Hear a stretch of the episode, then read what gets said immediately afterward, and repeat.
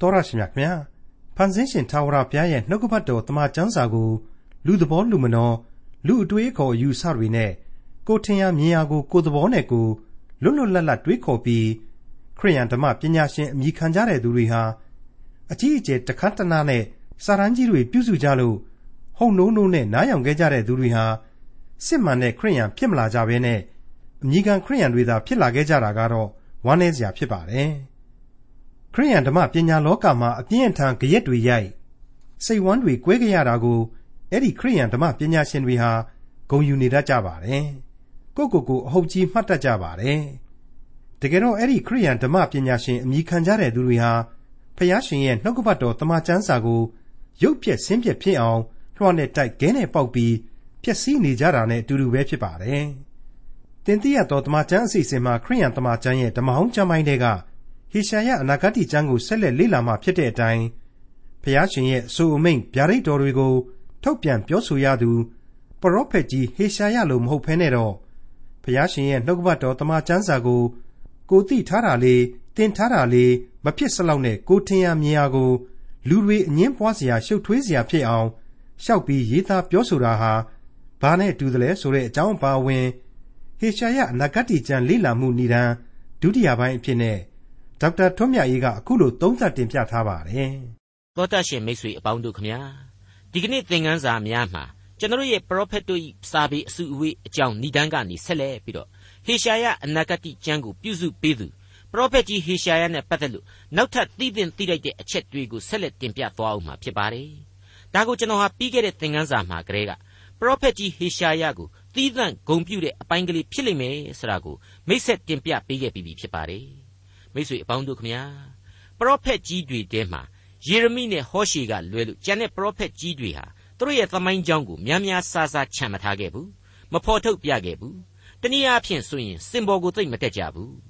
ကလကနောက်ွယ်မှာပဲရှိနေကြတယ်ဆိုတာကိုကျွန်တော်ဖော်ပြခဲ့ပြီးပြီဖြစ်ပါတယ်ဟုတ်ပါတယ်သူတို့ရဲ့ဘဝရုပ်လွှာတွေဟာဝိုးတော်ဝမျှတာဖြစ်တယ်မပီမပြင်းတာဖြစ်တယ်သို့သို့သိသိရှိခဲ့ကြတယ်ဆိုတာတွေ့ကိုကျွန်တော်တို့တွေ့နိုင်ပါလိမ့်မယ် အဲ့ဒီအထက်ကရှေရန်ပရောဖက်ကြီးဟေရှာယနဲ့သက်ဆိုင်လို့ကတော့သူ့ရဲ့အနာဂတ်ကျမ်းကိုမစခင်မှာကတည်းကအကြည်အလဲကျွန်တော်တို့လေ့လာတိုက်လာတယ်ဆိုတာကိုကျွန်တော်မိတ်ဆက်ပေးခဲ့ပြီးပြီဖြစ်ပါတယ်ဟေရှာယဆိုတာဟာဒါဝိဒ်မင်းမျိုးတဲကလူတစ်ယောက်ဖြစ်တယ်ဆိုပြီးတော့တချို့သူတည်တည်တွေကယူဆကြပါတယ်အခိုင်အမာသက်သေမခိုင်လုံဘဲနဲ့ယူဆကြခြင်းဖြစ်ပါတယ်ဟေရှာယကိုယ်တိုင်ဖော်ပြတဲ့အချက်ကတော့သူဟာဘုရားသခင်ရဲ့ဗျာဒိတ်တော်တွေကိုခံယူထားရတဲ့လူတစ်ယောက် မင်းဆက်၄ခုကိုမှီခဲ့တဲ့ပရောဖက်သူ့အဖေဟာအာမုတ်ဆိုတဲ့နာမည်ရှိတယ်ဆိုတဲ့အချက်ပဲဖြစ်ပါတယ်ဟေရှာယနဂတိကျမ်းအခန်းကြီး1အငယ်1နဲ့2အပိုင်းကအရာအခုလိုတွေ့နိုင်ပါတယ်ယုဒရှင်ဘုရင်ဩဇိမင်းယောသန်မင်းအာခတ်မင်းဟေဇကိမင်းတို့လက်ထက်၌အာမုတ်ဤသားဟေရှာယသည်ယေရုရှလင်မြို့မှစ၍ယူဒပြည်နှင့်ဆိုင်သောဗျာဒိတ်တော်ကိုခံရသည်မှာထာဝရဘုရားမိန့်တော်မူသည်ဖြစ်၍အိုးကောင်းကင်ကြားလော့ အိုးမြေကြီးနားထောင်လော့မိတ်ဆွေအဲ့ဒါဟာဟေရှာယကိုယ်တိုင်ဖော်ပြခဲ့တဲ့သူ့ရဲ့ဘဝဇလံအတူလေးပါပဲသူ့ကိုဘုရားသခင်ရဲ့တာဝန်ပေးအပ်ခံရခြင်းအကြောင်းကိုလည်းသူဟာဟေရှာယနဂတိကျမ်းအခန်းကြီး6အငယ်6ကနေ8အတွင်းမှာအခုလိုဖော်ပြထားပါတယ်။ထိုအခါကောင်းကင်တမန်တရက်တပါးသည်ရစ်ပလင်ဘောကမိညက်ဖြင့်ယူသောမိခဲတခဲကိုလက်နှင့်ကင်လျက်ငါရှိရာသို့ပြန်လာ၍ငါနှုတ်ကိုတို့ပြီးလျင် ဤမိခဲသည်သင်၏နှုတ်ခမ်းကိုတွေ့ပြီ။သင်၏ဒုစရိုက်ကိုသုတ်သင်ပြီ။သင်၏အပြစ်လည်းပြေရှင်းပြီဟုဆို၏။တဖန်ထာဝရဘုရားကငါသည်အဘယ်သူကိုဆေလွှတ်ရမည်နည်းငါတို့အဖို့အဘယ်သူသွားမည်နည်းဟုမေးတော်မူသံကိုငါကြားလျင်ငါကအကျွန်ုပ်ရှိပါ၏အကျွန်ုပ်ကိုစေလွတ်တော်မူပါဟုလျှောက်လေ၏အဲ့ဒါဟာသူ့ရဲ့ပရောဖက်ဖြစ်လာမှုအကြောင်းအချင်းချုပ်ကိုဟေရှာယကိုယ်တိုင်ဖော်ပြခဲ့တဲ့အချက်ပါမိ쇠အပေါင်းတို့ သူ့ကိုဒါဝိဒ်မင်းမျိုးတဲ့ကဖြစ်တယ်လို့ပြောတဲ့လူတွေကမခိုင်မလုံပြောခဲ့သလိုသူ့ကိုဟေဘရဲဩဝါဒစာမှာဖော်ပြချက်အတိုင်းဆုတ်ကိုင်းပြီးတော့သိုးရည်စိတ်ရည်ကိုသာဝတ်ဆင်ပြီးတော့ခြေတလုံးအိမ်တိုင်ကြီးတယောက်လိုအမှုတော်ကိုဆောင်ခဲ့ရရှာတာပဲဆိုပြီးတော့သတ်မှတ်သူကသတ်မှတ်ကြတာကိုလည်းတွေ့ရပါတယ်ဟေဘရဲဩဝါဒစာမှာဖော်ပြတာကတော့ဂိတောင်ဗာရက်ရှန်ဆုံယေဖသဒါဝိဒ်ရှမွေလမှစတဲ့ပရောဖက်တို့အကြောင်းများကိုပြော၍မကုန်နိုင်ဆိုပြီးတော့မှ ဆက်လက်ဖော်ပြထားတဲ့ပရောဖက်တို့ရဲ့အကြောင်းများတွေကအချက်တစ်ခုပဲဖြစ်ပါတယ်ဟေဘရဲဩဝါဒစာအခန်းကြီး38နဲ့38ကိုအကိုအကားပြုခြင်းဖြစ်ပါတယ်အဲ့ဒီမှာဘယ်လိုဖော်ပြထားသလဲဆိုရင်ကြောက်ခဲနှင့်ပြစ်ခြင်းလွှနှင့်အပိုင်းပိုင်းတိုက်ဖြတ်ခြင်းစုံစမ်းနှောက်ယှက်ခြင်းဓာလက်နဲ့နဲ့ကွပ်မျက်ခြင်းကိုခံရကြ၏အလွန်ဆင်းရဲလျက်ညှင်းဆဲနှိပ်စက်ခြင်းကိုခံလျက်သိုးရည်စိတ်ရည်ကိုဝှွ့၍လှဲ့လေရကြ၏ဤလောကသည်ထိုသူတို့နှင့်မထိုက်မတန်သူတို့သည် တောကြူတောင်ကြားဥမင်မြေတွင်ထဲမှအပြောင်းပြောင်းအလဲလဲနေရကြ၏အဲ့ဒီလိုဖော်ပြထားခြင်းပါအမှန်ကတော့အဲ့ဒီဟေဘရဲဩဝါဒစာရဲ့ဖော်ပြချက်တွေဟာဘုရားသခင်ကိုယုံကြည်ခြင်းတရားအားဖြင့်ဓမ္မသမိုင်းကာလတစ်လျှောက်မှာညှင်းဆဲနှိပ်စက်ခြင်းအမျိုးမျိုးကိုခံယူခဲ့ရသူသာသနာသူရဲကောင်းအာဇာနည်တွေနဲ့ပတ်သက်ပြီးတော့ဩဝါဒစာရေးဆရာဟာဂုံပြုထောမနာဖွင့်ဆိုပြတာသာဖြစ်ပါတယ်ဒီယုံကြည်ခြင်းရဲ့ဖခင်ကြီးတွေရဲ့စွန့်လွတ်အနစ်နာခံရခြင်း ဘုရားသခင်၌တည်ကြည်ခြင်းအပေါင်းတို့ဟာကျွန်တော်ယုံကြည်သူများတို့အတွက်ပို့ပြီးတော့ပြည့်စုံတဲ့အကျိုးကျေးဇူးတွေကိုဖြစ်စေဖို့ရန်အတွက်ဘုရားသခင်ပြုတော်မူသောအကြံအစီတွေပဲဖြစ်ခဲ့တယ်ဆိုတာကိုဖော်ပြလိုခြင်းပဲဖြစ်ပါတယ်မိတ်ဆွေဒါကြောင့်မို့လို့လေအဲ့ဒီဟေဘရဲဩဝါဒစာမှာပဲဟေဘရဲဩဝါဒဆရာဟာအခုလိုဆက်ပြီးတော့ဖော်ပြတာကိုတွေ့နိုင်ပါတယ်ဤလောကသည်ထိုသူတို့နှင့်မထိုက်မတန်သူတို့သည်တောကြူတောင်ကြဥမင်မြေတွင်ထဲမှအပြောင်းပြောင်းအလေလေနေရကြ၏ ထိုသူအပေါင်းတို့သည်ယုံကြည်ခြင်းအပြင်ချီးမွမ်းခြင်းသို့ရောက်တော်လေဂရိတော်အတိုင်းအကျိုးကျေးဇူးကိုမခံရကြအဘယ်ကြောင့်နည်းဟုမူကားထိုသူတို့သည်ငါတို့မပါဘဲစုံလင်ခြင်းသို့မရောက်ရမည်အကြောင်းဘုရားသခင်သည်ငါတို့အဖို့အလို့ငှာသာ၍မြတ်သောကျေးဇူးကိုကြံစီတော်မူ၏တဲ့မိတ်ဆွေအပေါင်းတို့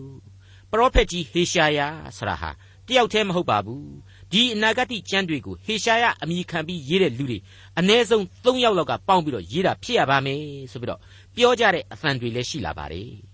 သူတို့ကြောင့်ဓမ္မပညာလောကမှာအတော်ကြီးကိုကြရဲရိုက်ခဲ့ရဘူးတယ်စိတ်ဝန်းတွေကွဲခဲ့ရဘူးတယ်လို့ကျွန်တော်ဆိုချင်ပါတယ်မိတ်ဆွေအပေါင်းတို့အဲ့ဒီလိုဟေရှာယ၃ယောက်ရှိတယ်ဆိုတာအရှင်းမဖြစ်နိုင်ပါဘူးဒီလိုထင်ရမြင်ရဝေဖန်သူတို့ဟာနှုတ်ကပတ်တော်ကိုအဲ့ဒီနီးအားဖြင့်ခဲနှင့်ပေါက်ခြင်းလွှနှင့်အပိုင်းပိုင်းတိုက်ဖြတ်ခြင်းပဲဖြစ်တယ်လို့ ကျွန်တော်ခံယူမိပါတယ်ဒီလိုငြိမ်းချမ်းနေတဲ့ဓမ္မပညာလောကကိုကိုယ်အုံနှောက်ကထွက်တဲ့အမြင်သစ်တွေနဲ့အယံမဖြစ်ဆွဲရပါဘူးအတင်းအကျပ်လက်အဆိုတွေကိုမပြုတ်တိုက်ပါဘူးဖျားသခင်ရဲ့နှုတ်ကပတ်တော်စာပေနဲ့ပတ်သက်ရင်ကိုယ့်ရဲ့ဇာတိပဂရိအတွေးအခေါ်ဆိုတာဟာနောက်တန်းမှသာရှိရမယ်ဝိညာဉ်တော်ရဲ့လမ်းပြခြင်းသာလျှင်အတိဖြစ်ရလိမ့်မယ်လို့ကျွန်တော်ဆိုချင်ပါတယ်ကျွန်တော်သိသေးရတော့နှောင်းပိုင်းကာလမှာပင်လေသေးနာကတူးဖော်ရရှိလာတဲ့မြေအိုးတစ်ခုတည်းကနေပြီးတော့ တူးတဲ့သောဟေရှာယရေးသားပြုစုတဲ့ဟေရှာယအနာဂတိကျမ်းဆိုတာကိုမမျှော်လင့်ပဲပြန်ပြီးတော့တွေ့ရှိရစီတယ်အဲ့ဒီတော့မှပဲဟေရှာယ၃ယောက်ရှိတယ်ဆိုတဲ့အယူအဆသစ်သမားတွေဟာငြိမ်ကျသွားတယ်လို့သိရပါတယ်ဒါဟာဘုရားသခင်ကိုတော်တိုင်အပြည့်မှန်ကိုဝင်ပြီးပေးလိုက်တာပဲလို့ကျွန်တော်ဆိုချင်ပါတယ်မိတ်ဆွေအပေါင်းတို့ခမညာဟေရှာယအနာဂတိကျမ်းဟာနှုတ်ကပတ်တော်ကျမ်းစာတွေထဲမှာတော့အတော်ကြီးထူးခြားတဲ့လက္ခဏာကိုဆောင်ထားတယ်လို့ကျွန်တော်ဆိုချင်ပါတယ် နှုတ်ကပတ်တော်မှာကျမ်းကြီး66စုရှိပါတယ်အခုဟေရှာယမှာဆိုရင်အခန်းကြီးပေါင်း66ခုနဲ့ဖွဲ့စည်းထားခြင်းဖြစ်ပါတယ်နှုတ်ကပတ်တော်ရဲ့ကျမ်း66ခုအနက်39ကျမ်းဟာဓမ္မဟောင်းကျမ်းတွေဖြစ်ပါတယ်အခုဟေရှာယရဲ့အခန်းကြီး66ခုတည်းက39ခုသောကျမ်းတို့ဟာဥပရိသနဲ့ဘုရားသခင်ဤအုပ်ဆိုးခြင်းကိုဖော်ပြထားပါတယ်နှုတ်ကပတ်တော်66ကျမ်းက28ကျမ်းဟာဓမ္မသစ်ကျမ်းတွေဖြစ်ကြတယ် ဟေရှာယရဲ့28ကျမ်းဟာဘုရားသခင်ရဲ့ကျေးဇူးနဲ့ဂရုနာတော်နဲ့ကယ်တင်ခြင်းအကြောင်းကိုရှင်းလင်းပြသစွာဖော်ပြထားပါတယ်နောက်တစ်ခုထူးနေပြန်တာကတော့ဓမ္မသစ်ကျမ်းပိုင်းမှာဟေရှာယအနာဂတိကျမ်းကိုအကြိမ်ပေါင်း66ကြိမ်ကိုးကားထားပြန်ခြင်းဖြစ်ပါတယ်ဒါတွေအကုန်လုံးတို့ဟာတိုက်ဆိုင်မှုတဲ့ပိုသောအံ့ဩပွေလက္ခဏာရပ်များပဲလို့ကျွန်တော်ခံယူခြင်းပါတယ်မိတ်ဆွေအပေါင်းတို့အချို့အချို့သောဓမ္မသုတေသီတွေကတော့ဓမ္မသစ်ကျမ်းပေါင်း28ကျမ်းတဲကမှ ကျမ်းပေါင်း12ကျမ်းတို့မှာဟေရှာယအနာဂတိကျမ်းကိုတိုက်ရိုက်ကူးကားဖော်ပြကြတယ်ကျွန်တော်ပြောခဲ့တဲ့အတိုင်းပဲ66ခုဟာတိုက်ရိုက်ကိုးကားခြင်းဖြစ်တယ်နောက်ထပ်10ကျမ်းမှာကျတော့အရေးအယောင်ဖော်ပြတဲ့အချက်တွေကိုးကားမှုတွေဟာ18ချက်တောင်မှရှိလာတယ်လို့ဆိုပါတယ်ဟုတ်ပါတယ်ကျွန်တော်တင်ပြရသောသမာကျမ်းကိုစတင်ပြုစုပေးလိုက်တဲ့ဓမ္မဆရာကြီးဒေါက်တာဂျေဗန်နန်မက်ဂီကတော့ဟေရှာယအနာဂတိကျမ်းရဲ့ဖော်ပြချက်ပေါင်းများစွာတို့ဟာ တန်ရှင်းသောဝိညာဉ်တော်အဖျင်ဓမ္မသစ်ကျမ်းထဲမှာလှလှပပရှက်ဖြာကြသေးတယ်။ကယ်တင်ရှင်ယေရှုတော်ဆရာဟာသခင်ခရစ်တော်ဒီဟုသောကြောက်ပေါ်မှသာလျှင်မြဲမြံစွာခံစားရရှိစေနိုင်တယ်ဆိုတာကိုဓမ္မသစ်ကျမ်းတွေဟာဖော်ပြထားတယ်။အဲ့ဒီမြဲမြံသောကြောက်ဆိုင်ကြောက်သားခရစ်တော်ရဲ့အင်အားကောင်းမွန်မှုကိုဟဟေရှာယရဲ့အနာဂတ်ကျမ်းတွေဟာပါဝင်အားဖြည့်ပေးထားတယ်လို့ဆိုလိုက်ပါတယ်ဟေရှာယအနာဂတ်ကျမ်းကြီးဟာအကုန်လုံးခင်းလုံးပြည့်အနာဂတ်တွေကြီးပဲလားဆိုရင်မဟုတ်ပါဘူး ပရောဖက်ပြုခြင်းတွေကြီးပဲမဟုတ်ပါဘူးအခန်းကြီး36ကနေ39အတွင်းမှာဆိုရင်အနာဂတ်တွေကိုခဏအနာပေးပြီးတော့သမိုင်းမှတ်တမ်းတွေကိုပြောင်းလဲဖော်ပြထားပါတယ်အဲ့ဒီအတိုင်းပြောင်းလဲတဲ့အခါကျတော့အရေးအသားပုံစံကိုယ်တိုင်ဟာလည်းအနည်းငယ်ပြောင်းလဲသွားတယ်တစ်ချိန်လုံးလင်္ကာရသနဲ့နုနုနေနေရေးသားနေရကနေပြီးတော့အဲ့ဒီသမိုင်းဆိုင်ရာအချက်တွေကိုရောက်လာတော့စာစီစာကုန်းများလို့ပြောင်းပြီးတော့ရေးသားလိုက်တယ်လို့ဆိုကြပါတယ်ကြားပြက်အစီရင်ခံစာသဘောမျိုးမို့လို့ အဲ့ဒီလိုအရေးအဖွဲ့ကိုပြောင်းလိုက်ခြင်းပါပဲ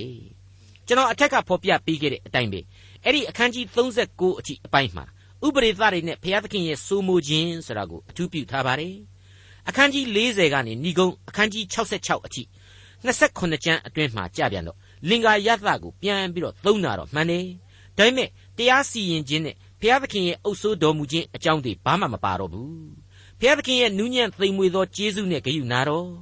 ဘုံတကိုးတော်တို့အကြောင်းတွေကိုပဲသိမ့်သိမ့်မွေ့မွေ့ကလေးဖော်ပြသွားတယ်ဆိုတာကိုတွေ့လာရပါလိမ့်မယ်အဲ့ဒီအခန်းကြီး40ရဲ့ဏိဒန်းကလေးကိုကမှတ်မှတ်ရရရှိနေပါတယ်သင်တို့ဤဘုရားသခင်မိန့်တော်မူသည်ကားငါဤလူတို့ကိုနှစ်သိမ့်စေကြလော့နှစ်သိမ့်စေကြလော့အဲ့ဒီလိုဖော်ပြထားခြင်းဖြစ်ပါတယ်အဲ့ဒီလိုနှစ်သိမ့်စေဆိုတဲ့အသံတော်ဟာဟေရှာယအနာဂတိကျမ်းဤကုန်းအထိဆက်ပြီးတော့ရှင်သန်လှုပ်ရှားသွားခြင်းရှိလိမ့်မယ်လို့ကျွန်တော်ကြိုတင်ဖော်ပြခြင်းပါတယ် အဲ့ဒီလိုအကြောင်းအရာပြောင်းလဲမှုနဲ့အရေးအဖွဲခြားနာလှုပ်ရှားမှုကလေးတွေအပေါ်မှာမူတည်ပြီးတော့စောစောကကျွန်တော်ပြောခဲ့တဲ့အတိုင်းပဲဟေရှာယဆိုတာဟာတယောက်တည်းမဟုတ်နိုင်ဘူးသုံးယောက်ရှိတယ်ဆိုပြီးတော့ဖြစ်ကုန်ကြတာပါပဲအမှန်ကတော့အကြောင်းအရာပြောင်းလဲတာနဲ့ပဲစာရေးသူနောက်တစ်ယောက်ပြောင်းတယ်ဆိုပြီးပြောတာဟာသိတော့အပြစ်တင်ဖို့လည်းမလိုလှပါဘူးဒီလိုပဲလူသားတွေဟာကိုယ်အုံနောက်နဲ့ကိုယ်အတွေးအခေါ်နဲ့ကိုယ်တွေးမိကြတာတွေရှိနိုင်ပါတယ်အတော်အတန်သဘာဝကြတယ်လို့လည်းကျွန်တော်ဆိုချင်ပါတယ်ဒါပေမဲ့ နှုတ်ကပတ်တော်ရဲ့အနှစ်သာရတွေကိုထိခိုက်မှုမရှိအောင်တွေးခေါ်မျှော်မြင်ဖို့တော့အထူးပဲအရေးကြီးပါတယ်ဟုတ်ပါတယ်20ရာစုနှစ်အစပိုင်းလောက်မှာဆိုရင်အနောက်ဘက်ကဘာကခရိယန်နိုင်ငံကြီးတွေကနေပြီးတော့ liberalism လို့ခေါ်တဲ့လွတ်လပ်စွာတွေးခေါ်ခြင်းဝါဒကြီးတွေဟာပေါ်ထွက်လာပါတယ်အဲ့ဒီဝါဒီကြီးတွေဟာလေအဲ့ဒီလွတ်လပ်စွာတွေးခေါ်မှုပြုမယ်ဆိုပြီးတော့တမန်ကျမ်းစာကိုစိတ်ကြိုက်အတိတ်ပဲဆွဲယူမှုတွေအမျိုးမျိုးလုပ်ခဲ့ကြတာကိုတွေ့ရပါတယ်ဒီ liberalism ဟာ16ရာစုဖြစ်တဲ့ လွန်ခဲ့တဲ့နှစ်ပေါင်း100ကျော်မှာဥရောပနိုင်ငံတွေမှာစတင်ထွန်းကားခဲ့တယ်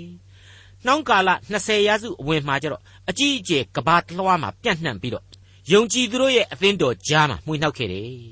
သူတို့ရဲ့လွတ်လပ်စွာတွေးခေါ်မှုတွေဆိုတာဟာနှုတ်ကပတ်တော်အသက်လမ်းရဲ့အနှစ်သာရတွေကိုပါတန်တရားဖြစ်အောင်လုပ်မှုတွေရှိခဲ့တယ်။ရှိနေသေးလေဖြစ်တယ်ဆိုတဲ့အချက်တွေကိုကျွန်တော်ယုံကြည်သူများအထူးသတိထားကြရပါလိမ့်မယ်။အထူးသဖြင့်အသင်းတော်စီလုံးညီညွတ်မှုကိုထောက်ထားသောသူများ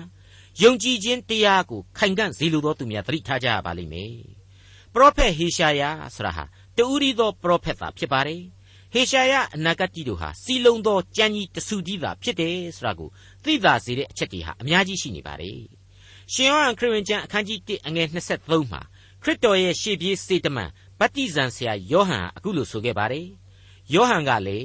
ငါသည်ပရောဖက်ဟေရှာယဟောပြောသည်နှင့်အညီ ထာဝရဘုရား၏လမ်းခရီးတော်ကိုဖြောင့်စေကြလော့ဟုတော၌ဟစ်ကြော်သောသူ၏အသံပင်ဖြစ်သည်ဟုဆို၏ရှင်းမနေဘူးလားမိတ်ဆွေအဲ့ဒီတိုင်းပါပဲကယ်တင်ရှင်သခင်ခရစ်တော်ကိုတော်တိုင်ဟာသူကြီးပြင်းလာခဲ့ရတဲ့နာဇရက်မြို့ဗိမှန်တော်ကလေးတစ်ခုမှာဟေရှာယအနာဂတ်ကိုအခိုင်အမာယူဆွဲပြီးတော့လူတွေကိုအဆုံးအမပြုတ်ခဲ့သေးတာကိုလည်းမေ့လို့မရနိုင်ပါဘူးရှင်လုကာခရစ်ဝင်ကျမ်းအခန်းကြီး၄အငယ်14ကနေ21အတွင်းမှာအခုလိုကျွန်တော်တို့မြင်နိုင်ပါတယ်ယေရှုသည် ဝိညာဉ်တော်တကိုးနှင့်ဂါလိလဲပြည်သို့ပြန်၍သတင်းတော်သည်ပတ်ဝန်းကျင်အရတ်တို့၌အနှံ့အပြားကြော်စောလေ၏တရားစရာတို့၌ဆုံးမဩဝါဒပေးတော်မူ၍လူအပေါင်းတို့သည်ကိုတော်ကိုချီးမွမ်းကြ၏ကြီးပွားတော်မူရာနာဇရက်မြို့သို့ရောက်ပြန်လျင်ထုံးစံတော်ရှိသည့်အတိုင်းဥပုပ်နေ့၌တရားစရက်သို့ဝင်၍ကျမ်းစာကိုဖတ်ရွတ်ခြင်းဟာထတော်မူ၏ဇရက်ဆောင်သည်ပရောဖက်ဟေရှာယ၏ကျမ်းစာကိုပေးသည်ဖြစ်၍ကျမ်းစာကိုဖွင့်တော်မူလျင်တွေ့သောအချက်စကားဟုမူကား ထာဝရဘုရား၏ဝိညာဉ်တော်သည်ငါအပေါ်၌တည်တော်မူ၏အကြောင်းမူကားဆင်းရဲသားတို့အားဝမ်းမြောက်စရာသတင်းကိုကြားပြောစေခြင်းဟာငါကိုပိတ်သိမ့်ပေးတော်မူပြီးကြေမွာသောသူတို့၏အနာကိုပျောက်စေခြင်းဟာ၎င်းဖမ်းသွာချုပ်ထားလျက်ရှိသောသူတို့အားလွတ်ခြင်းအကြောင်းနှင့်မျက်စိကန်းသောသူတို့အားမျက်စိမြင်ပြန်ခြင်းအကြောင်းကိုပြစေခြင်းဟာ၎င်းညှင်းဆဲခံရသောသူတို့ကိုကယ်မစေခြင်းဟာ၎င်းထာဝရဘုရား၏မင်္ဂလာနှစ်ကာလကိုကြားပြောစေခြင်းဟာ၎င်း ငါကိုစေလွတ်တော်မူပြီဟုလာသည်ကျမ်းစာကိုလက်၍ဇရက်ဆောင်အားပေးပြီးမှထိုင်တော်မူ၏ဇရက်၌ရှိသော သူအပေါင်းတို့သည်ကိုတော်ကိုစစ်စစ်ကြည့်လျက်နေကြ၏ယေရှုကလည်းယနေ့ပင်ဤကြမ်းကြက်သည်တင်တို့ကြားသည့်အတိုင်းပြည့်စုံလေပြီဟုမိန့်တော်မူ၏မိတ်ဆွေကယ်တင်ရှင်သခင်ခရစ်တော်ရဲ့သက်တော်စဉ်မှာပြည့်စုံခဲ့တဲ့ဟေရှာယအနာဂတိကျမ်းတွေကိုခရစ်တော်အခုလိုကိုတော်တိုင်ရွတ်ဆိုပြခဲ့ခြင်းအပြင် ပရောဖက်တို့ရဲ့အနာဂတိကျမ်းများဟာကယ်တင်ရှင်ရဲ့ကယ်တင်ခြင်းတရားလူသားတိုင်းခံစားရယူနိုင်တဲ့သာဝရအသက်လမ်းခရီးအတွက်အလွန်အလွန်အရေးကြီးတယ်အလေးနဲ့ပြုရမယ့်ကြမ်းများတာဖြစ်တယ်ဆိုတာဟာရှင်းနေပါပြီအဲ့ဒီတိုင်းပါပဲတမန်တော်ဖိလိပ္ပုဟာအီသီယိုပီသို့မဟုတ်အီသီယိုပီရဲ့မူမတ်တယောက်ကိုဟေရှာယအနာဂတိကျမ်းအားနဲ့ဟေရှာယအနာဂတိကျမ်းစကားများနဲ့တရားဟောပြီးတော့ပြောင်းလဲစေခဲ့တယ် ဗတ္တိဇံကိုပေးခဲ့တယ်ဆိုတာကိုလေတမန်တော်ဝတ္ထုအခန်းကြီး၈မှာအခုလိုကျွန်တော်တို့အနှစ်ချုပ်တွေ့နိုင်ပါတယ်တမန်တော်ဝတ္ထုအခန်းကြီး၈အငယ်26မှ31တဖန်ထာဝရဘုရား၏ကောင်းကင်တမန်သည်ဖိလိပ္ပုအားသင်ထ၍ယေရုရှလင်မြို့မှဂါဇမြို့သို့သွားရတော်လန့်တွင်တောင်မျက်နှာသို့သွားလော့ဟုဆိုသည့်အတိုင်းဖိလိပ္ပုသည်ထ၍သွားလေ၏ထိုအခါအေသီယိုပိပြည်ကိုအစိုးရသောမိဖုရားကန်ဒတ်ထံ၌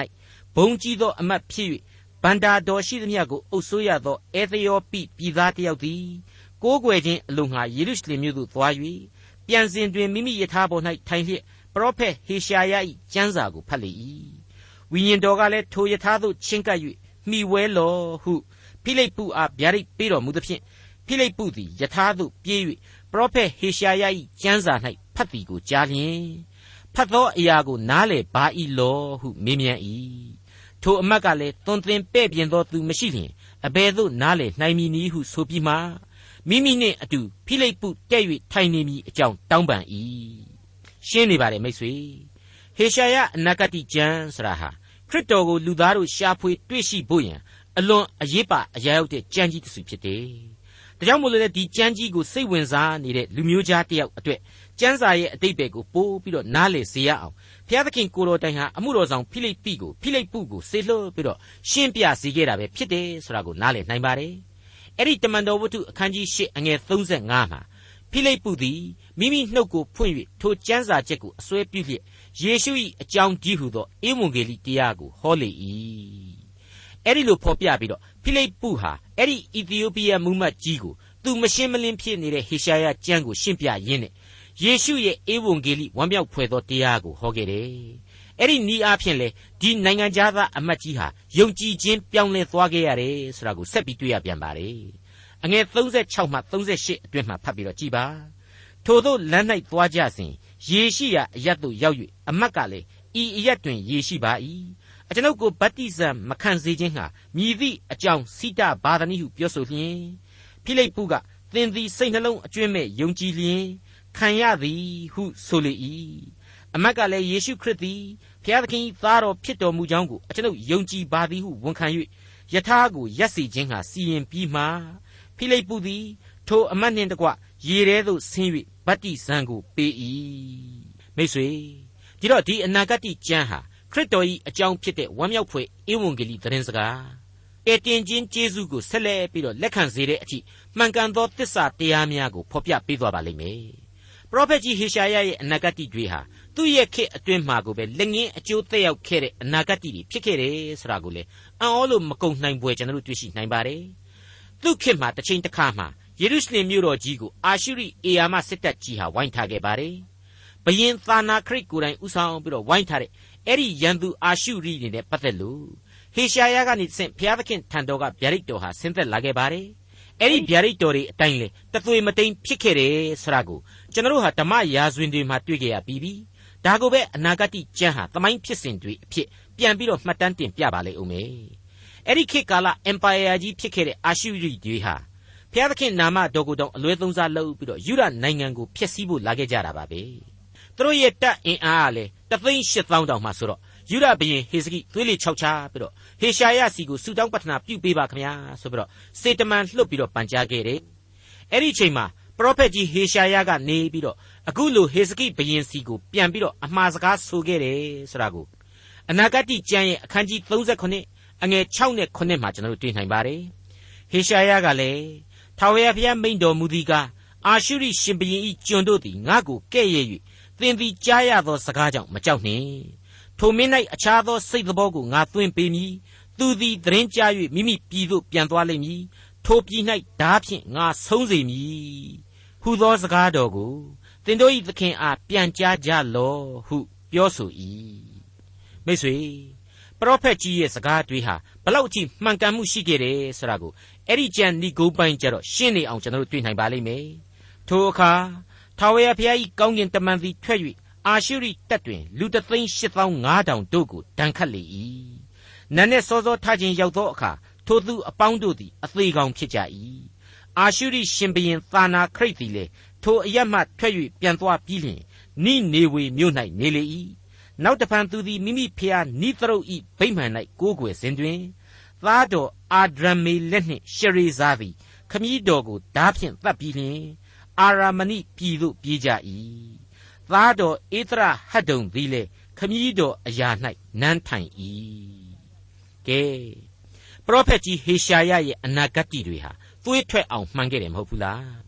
ဒါကြောင့်မလို့ပရောဖက်ကြီးဟေရှာယရဲ့သမိုင်းဝင်ကန္တတွေဟာဣသရေလလူမျိုးတော်အတွက်မမေ့နိုင်လောက်အောင်ကျေးဇူးရှိခဲ့ဘူးသလိုဒီကနေ့ကယ်တင်ရှင်သခင်ခရစ်တော်အားဖြင့်ကယ်တင်ရှင်ကျေးဇူးတော်ကိုခံယူရတဲ့ကျွန်တော်တို့အဖို့လည်းမေ့နိုင်ပွဲမရှိဘူးလို့ကျွန်တော်အနေနဲ့လေးစားစွာသူ့ကိုဂုဏ်ပြုခြင်းပါတယ်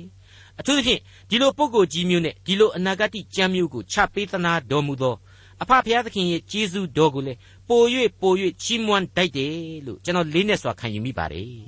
မိษွေတော်တတ်ရှင်အပေါင်းတို့ဟေရှာယအနာဂတ်များတဲ့ကထင်ထင်ရှားရှားပြည့်စုံခဲ့ရတဲ့နောက်တစ်ခုကတော့ဟေဇကိဘုရင်ရဲ့အသက်နဲ့ပတ်သက်ပါတယ်အဲ့ဒီဘုရင်ကိုသေစေရမယ်ဆိုတဲ့အမိန့်ကိုဘုရားသခင်ဟာချထားခဲ့ပြီးတဲ့နောက်ပိုင်းမှာဒီဘုရင်ဟာကြောက်အားလန့်အားနဲ့ဆူတောင်းအသနာခံတဲ့အချိန်နောက်ထပ်အသက်ရှင်ခွင့်ကိုဆက်လက်ပေးသနာခဲ့ပြန်တယ် အဲ့ဒီလိုဆက်လက်အသက်ရှင်ခွင့်ပြုတဲ့အထင်အမှတ်သက်သေအဖြစ်လဲနာယီကိုတောင်မှပြန်ပြီးတော့နောက်ပြန်ဆုတ်ပြစေတယ်ဆိုတဲ့အချက်ကိုဟေရှာယအနာဂတ်မှာတွေ့ရခြင်းပဲဖြစ်ပါတယ်ဒါကိုဟေရှာယနဂတိကျမ်းအခန်းကြီး38အငယ်1ကနေ8အတွင်းမှာအခုလိုကျွန်တော်တို့တွေ့နိုင်ပါတယ်ထိုကာလအခါဟေစကိမင်းသည်သေနာဆွဲသဖြင့်အာမုတ်သာပရောဖက်ဟေရှာယသည်လာ၍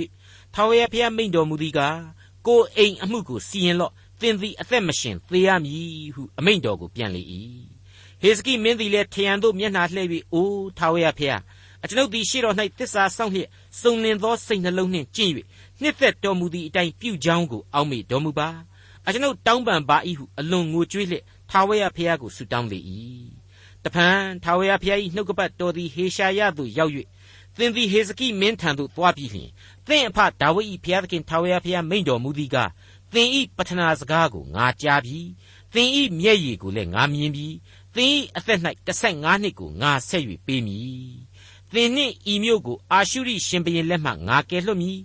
ဤမြို့ကိုငါကွယ်ကာစောင့်မမည်ဟုစောင့်မမည်အရာကိုပြောလောဟုမိန့်တော်မူ၏ဟေရှာယကထာဝရဘုရားအမိန့်တော်ရှိသည့်အတိုင်းပြုတော်မူမည်ဟုထာဝရဘုရားသည်သင်အားပေးတော်မူသောလက္ခဏာသက်သေဟုမူကားကြည့်ရှုလောအာခတ်ဤနေတိုင်းနာယီပေါ်မှရွှေ့သောအရိတ်ကိုဆယ်ချက်ပြန်စေမည်ဟုဆို၏ ဆိုသည့်အတိုင်းဆယ်ချက်ရွှေ့ပြီးသောအရိတ်သည်ဆယ်ချက်ပြန်လေ၏မိတ်ဆွေအပေါင်းတို့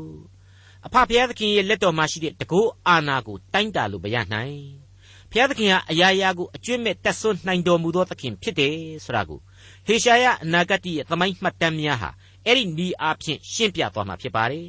သူ့ရဲ့လက်ထက်သူ့ရဲ့ပရောဖက်သက်တမ်းအတွင်းမှာချက်ချင်းမပြည့်စုံမဲနဲ့မရှိမနှောင်းကာလအချိန်မှာပြည့်စုံသွားခဲ့ရတာတွေလည်းရှိပါသေးတယ် ဘာဘူးလုံဆိုတဲ့ခါလဒဲပြည်သားတို့ရဲ့အဲ့ဒီအချိန်ကာလမြို့တော်ကြီးအကြောင်းကိုသူဟာအခုလိုအနာဂတ်ပြုခဲ့ပါတယ်ဟေရှာယအနာဂတိကျမ်းအခန်းကြီး73အငယ်16ကနေ22ဘာဘူးလုံမျိုးသည်ဖျားသခင်ဖျက်ဆီးတော်မူသောသောဒုံမျိုးနှင့်ဂေါမောရမျိုးကဲ့သို့ဖြစ်လိမ့်မည်ထိုမျိုး၌ကာလအစဉ်လူမျိုးအဆက်ဆက်အဘယ်သူမျှမနေရထိုမျိုး၌အာရဗ်လူသည်တဲကိုမျှမဆောက်ရသိုးဒိန်တို့သည်သိုးကြံကိုမျှမလုပ်ရ တောသားရဲတို့သည်ထိုမျိုး၌အိတ်ကြလိမ့်မည်အိမ်တို့သည်မြည်ရသောတိရစ္ဆာန်များနှင့်အပြည့်ရှိကြလိမ့်မည်ကလအုပ်ငှက်တို့လည်းနေရာကျ၍မြောက်တို့လည်းကခုန်ကြလိမ့်မည်တောခွေးတို့သည်လည်းဘုံဗိမ္မာန်များ၌၎င်းမြေခွေးတို့သည်လည်းကြက်တီတိုက်များ၌၎င်းဥကြမြည်ကြလိမ့်မည်ထိုသို့သောကာလနီးလာပြီထိုမျိုးဤအသက်တာမရှိရာအဲ့ဒီလိုဗျာဒိတ်တွေကိုဆိုခဲ့ပြီးတဲ့နောက်ပိုင်းအခန်းကြီး48မှာလေထထပ်မံဖြည့်ဆွက်တဲ့အချက်တွေရှိနေပါသေးတယ် အခု20ရာစုနှစ်အတွင်းမှာတော့သမိုင်းသုတေသီအပေါင်းတို့ဟာဘာဘူးလုံမြို့ဟောင်းကြီးကိုပြန်လဲတူးဖော်ပြီးတော့မြို့တော်နေရန်မိုင်90လောက်အထိခရီးပေါက်နေပြီလို့သိရပါတယ်သုတေသနအဖြေတွေအရအခုဟေရှာယပြောခဲ့တဲ့အတိုင်းမလွဲဖြစ်ခဲ့ရပြီးပြီဘာဘူးလုံမြို့ကြီးဟာအကျွင်းမဲ့ပြက်စီးပြီးတော့မြေအောက်ကိုရောက်ခဲ့ရပြီးပြီသူ့ကိုဘယ်သူကမှပြန်လဲအသက်သွင်းလို့မရနိုင်တော့ဘူးဒန္တာကြီးများလို့ပြောယုံကလွဲလို့ဆိုးရွားစွာကုံဆုံးပျောက်ကွယ်သွားခဲ့ပြီဆိုတာကိုတွေ့ရပါတယ် ဒီလိုဟေရှာယအနာဂတိကျမ်းတဲကဘာဘူးလုံမြို့တော်ကြီးအတွက်ဟေရှာယကြိုတင်ပြောခဲ့တဲ့အထဲမှာဆိုရင်အခန်းကြီး48အရာအခုလိုအချက်တစ်ခုပါဝင်ခဲ့ပါတယ်။အိုးခါလဒဲသူတို့သမီးတိတ်ဆိတ်စွာထိုင်လော့မိုက်ရာသို့သွားလော့သင်ကိုနိုင်ငံတို့၏အရှင်မဟု၍နောက်တဖန်မခေါ်ရဆိုပြီးတော့ဖြစ်ခဲ့ပါတယ်။အလွန်လှပခဲ့တဲ့ကပအထွတ်အထိပ်မြို့တော်ကြီးဟာအဲ့ဒီအချိန်မှာသူကျမငင်းမှကိုသူအရှင်းမသိခဲ့ရှာဘူး သူ့ရဲ့ empire ကြီးဟာလေမကြခင်မှာ Greek တို့ရဲ့နင်းချေမှုကိုခံရမှကိုသူမသိခဲ့ရှာပါဘူးမိษွေအပေါင်းတို့ရှေ့သင်ခန်းစာမှာတော့အဲ့ဒီလိုအံ့ဩပွေအနာဂတ်တိတွေနဲ့ပြေဝလှတဲ့အနာဂတ်တိကြမ်းကြီးတစုကိုကျွန်တော်တို့ဇက်တိုက်လေ့လာသွားကြရတော့မှာဖြစ်ပါတယ်ကျေးဇူးတော်ကိုချီးမွမ်း၍စောင့်စားနားဆွင့်ကြရန်လည်းဖြစ်ပါတယ်ဟုတ်ပါတယ်ဒီအနာဂတ်တိကြမ်းကြီးဟာပြင်စမမြောက်ခရစ်ဝင်ကျမ်းလို့ဆိုရလောက်အောင် ကယ်တင်ရှင်သခင်ခရစ်တော်နဲ့ခရစ်တော်ရဲ့ကယ်တင်ရှင်ကျေးဇူးတော်ကိုကြိုတင်ကြီးညာပေးသွားပါလိမ့်မယ်လူသားတိုင်းဖို့လူလားတောင့်တအပ်သောဘုရားသခင်ရဲ့ကျေးဇူးဂရုနာတော်ဟာလူအဖွဲ့အစည်းအပေါ်မှာဘယ်လိုတည်ရှိနေတယ်ဆိုတာကိုအနာဂတ်အသွင်နဲ့ရှုမြင်သုံးသပ်သွားပါလိမ့်မယ်အံ့ဘွယ်သောပရောဖက်ကြီးတစ်ပါးထံမှဘုရားသခင်၏ဗျာဒိတ်တော်များပဲဖြစ်ကြောင်းမိတ်ဆက်ထားနှင့်ပါရစေခင်ဗျာဒေါက်တာထွန်းမြတ်ရေးစီစဉ်တင်ဆက်တဲ့သင်သိရသောတမချန်းအစီအစဉ်ဖြစ်ပါတယ်နောက်တစ်ချိန်အစီအစဉ်မှာခရိယန်တမချန်းရဲ့ ဓမ္မဟောင်းကျမ်းပိုင်းတွေကဟေရှာယအနာဂတ်ကျမ်းအခန်းကြီး1အခန်းငယ်1ကနေအခန်းငယ်4အထိကိုလေ့လာမှာဖြစ်တဲ့အတွက်စောင့်မျှော်နားဆင်နိုင်ပါတယ်။